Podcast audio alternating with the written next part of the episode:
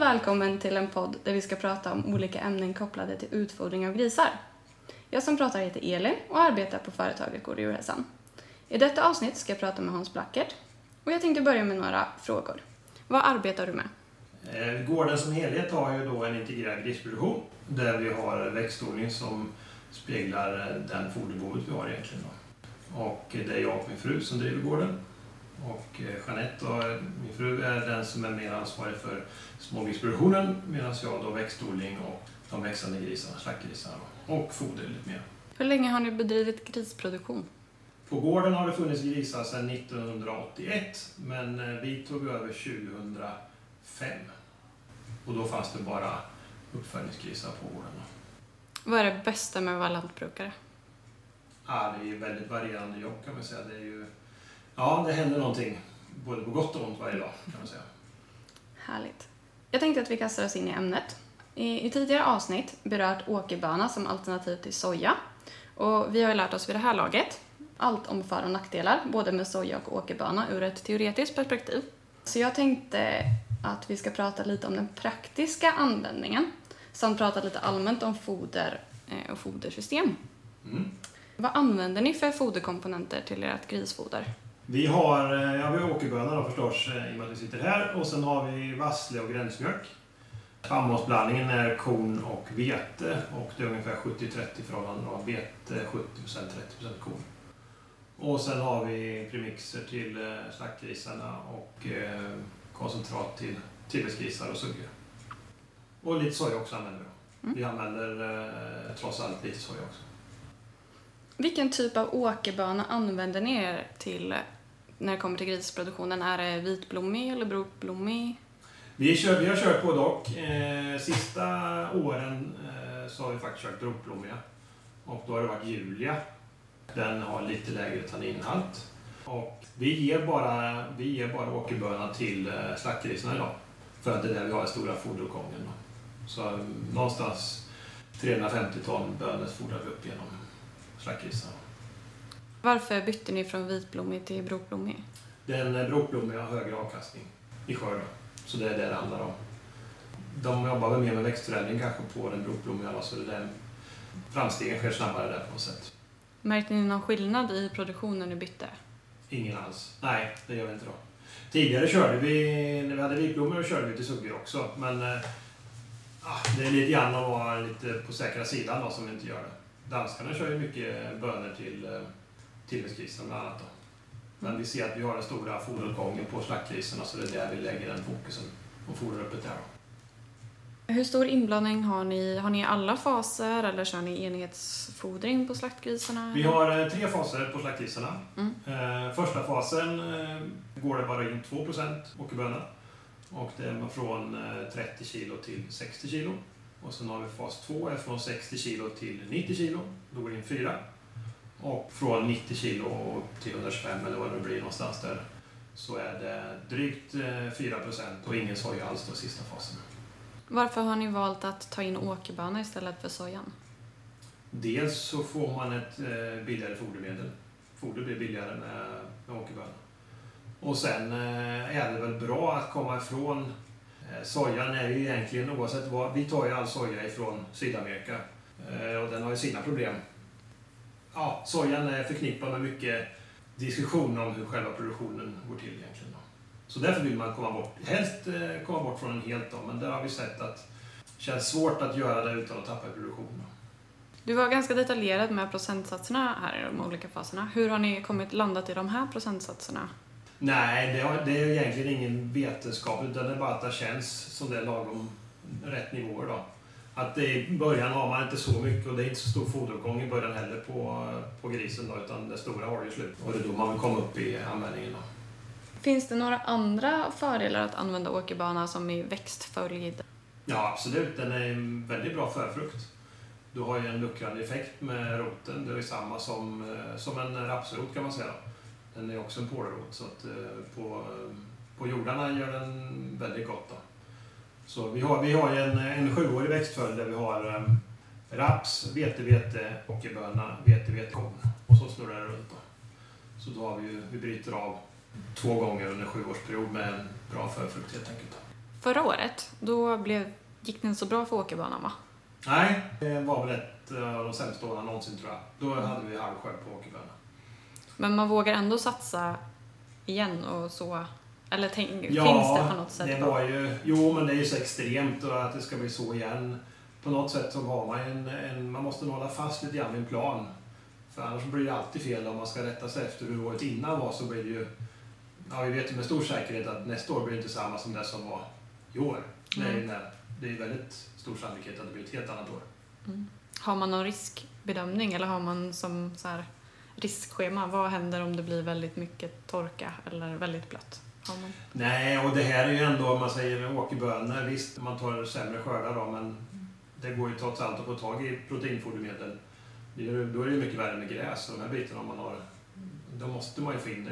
Det är- inte en handelsvara på samma sätt. Då. Så att eh, visst, det blir dyrare, men du kan ju alltid få protein till grisarna. Det är inte något bekymmer egentligen. Men sen blir det dyrt när det blir missväxt. Det Mm. blir, det blir det för alla. Varför tror du inte att vi använder mer? För det är, väl, det är väl inte jättevanligt att man använder mycket åkerbana? Nej, och det har jag, eh, vet jag faktiskt inte riktigt. Varför inte till exempel foderindustrin eh, använder mera och tar bort mera soja. Och det håller väl egentligen även tillbaka odlingen lite grann. Om man säger att du har ju ett, har i år med så ser det ut som att man betalar sämre för åkerböna än för foderärtor.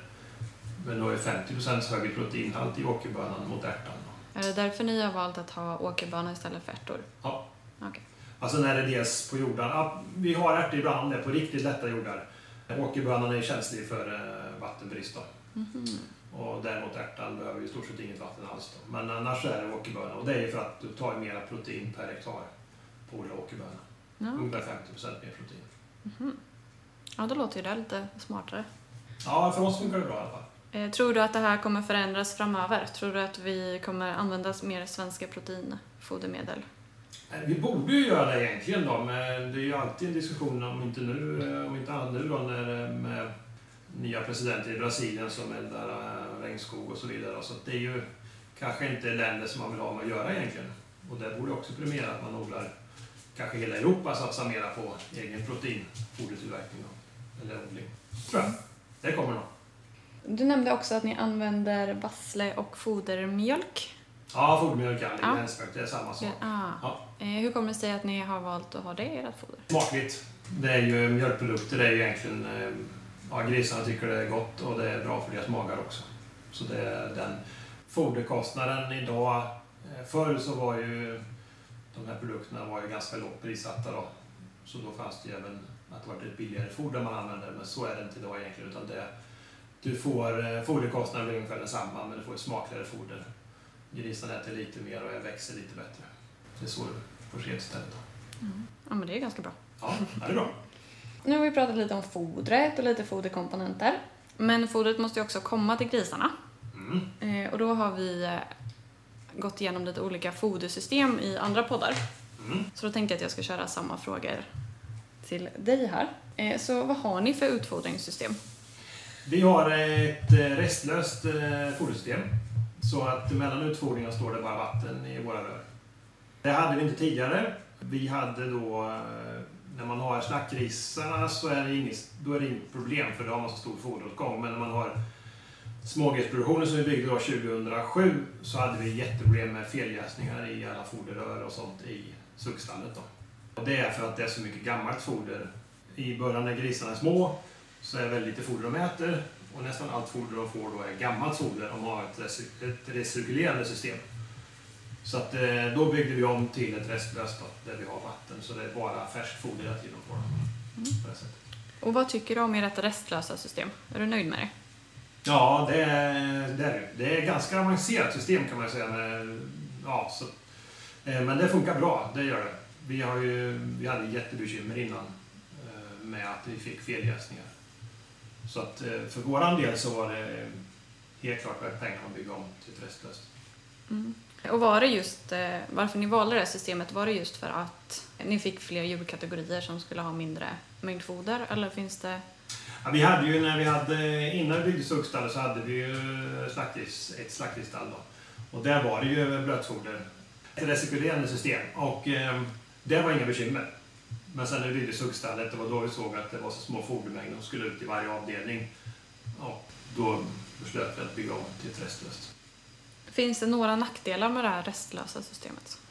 Ja, det är väl då det här med att det kan ju vara lite komplicerat system då på hur den jobbar när man fodrar då. Eh, men det är mer en programmering och sen ska ju allting i den bästa världen fungera därefter då. Och när du säger komplicerat, syftar du då på att det är tekniken som är komplicerad? Eller Ja, det... egentligen är inte tekniken, för det, allting bygger på vanliga vågsystem då och sen är det volymvikt som det baseras på när det fodrar då. Men det är bara att man får allting rätt från början och sen kan det även vara så att man kan inte köra lika torrt blötfoder utan du måste gå ner i TS lite grann då. I och med att du har färskt då, så får det smörjer sämre i foderrören på det sättet. Men det funkar bra. Sen är det ju även hygien är ju när man kör ett restlöst system så får det även en restmängdstank där allt vatten som har stått i rören hamnar. Och där går ju sedan in i en foderblandning. Och den tanken måste tömmas ner åtminstone en gång per dygn. Då. För det är ju sånt där som kan bli en riktig bakteriehärd annars. Då. För den är helt instabil. Du har ingen mjölksyrakultur i den utan det är bara vatten som är... Ja, du har ingen, den, är, den är inte stabil alltså. Nej. Så den måste tömmas ner. Och du, talar ni av erfarenhet här eller? Ja, det, nej, men det vet jag sen. För det har ju funnits tidigare system, men då gjorde man inte så här. Och då kunde man få riktiga smällar i de besättningarna. Men så här har man jobbat de sista, nu ska inte jag säga, men ett antal år i alla fall. Då. Vem tycker du ska välja ett restlöst system? Vad är det för typ av besättning? Det är ju om du har en smågrisproduktion egentligen då. Som, eh, för det är som är känsligast. Du, har, du får lätt väldigt mycket gammalt foder som du fodrar djuren med annars. Då. Så där kan det vara en fördel. Sen är det ju även en fördel på växande djur med eh, slaktgrisar då, som eh, ja, de, får ju, de får ju färskt foder hela tiden. Men det ska man ju bara tänka på när det är restlöst att när man använder vissa ingredienser, till exempel kalk, måste vara väldigt finmalt för annars får du tvärstopp i utfodringen. Och vad skulle ni välja för system om ni fick välja ett nytt system idag? Eller ja, det får ni ju, men om ni skulle bygga idag till exempel. Har du, en, har du en, eh, en gård där du bara har smågrisar, så, eller smågrisproduktion då, så kan nog en torrfoderanläggning, en gammal hederlig, ja det finns ju moderna varianter på torrfodersystem idag då, så kan det vara nog så bra egentligen. Den är inte lika, visst du ska ju ha hygien och sånt där också då, men där har du ju ofta, hur den är, hanterar du fodret torrt så har du inte samma hygienproblem som du får när du har blöta system. Då. De blöta systemen kräver ju lite mer tekniskt kunnande än ett torrt system, skulle jag nog säga. Men då är det främst till smågrisproduktion ni tänker torrt, till slakt eller till växande grisar? Ja, det tror jag ju är... Dels så kan du använda de här lite restprodukter då för att höja smakligheten.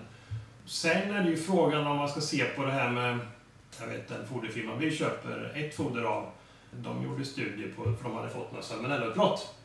Och de handlar bara av sina grannar. Alltså när, i närområdet handlar de upp all spannmål. Då. Då gjorde de tester och av 80 prover så var tre prover salmonella i.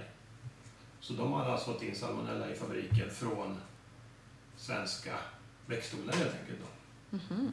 Kan man spåra var den salmonellan kommer ifrån då? Den, den kan de hitta i gården, det har de gjort också. Mhm. Men, men just där man ser att när du kör blött så har du ju ett, ett pH-sänkande system så du, har du säkrar ju upp det lite, lite mer mot salmonella-biten då. Mm.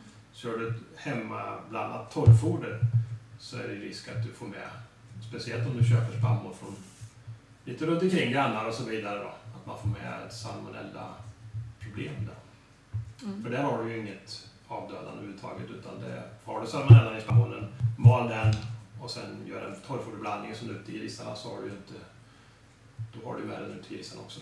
Har du ett blött system så har du lite mera garant för att du dödar av den på vägen. Mm, mm, Kan man säga. Så det är en fördel med det blöta.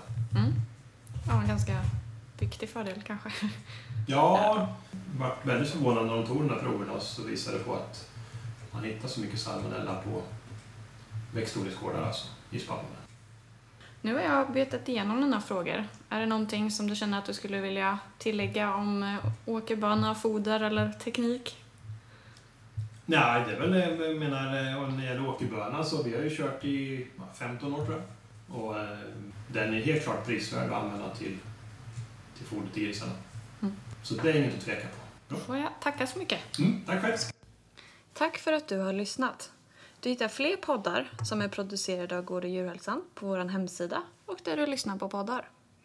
Denna podd finansieras av Europeiska fonden för landsbygdsutveckling.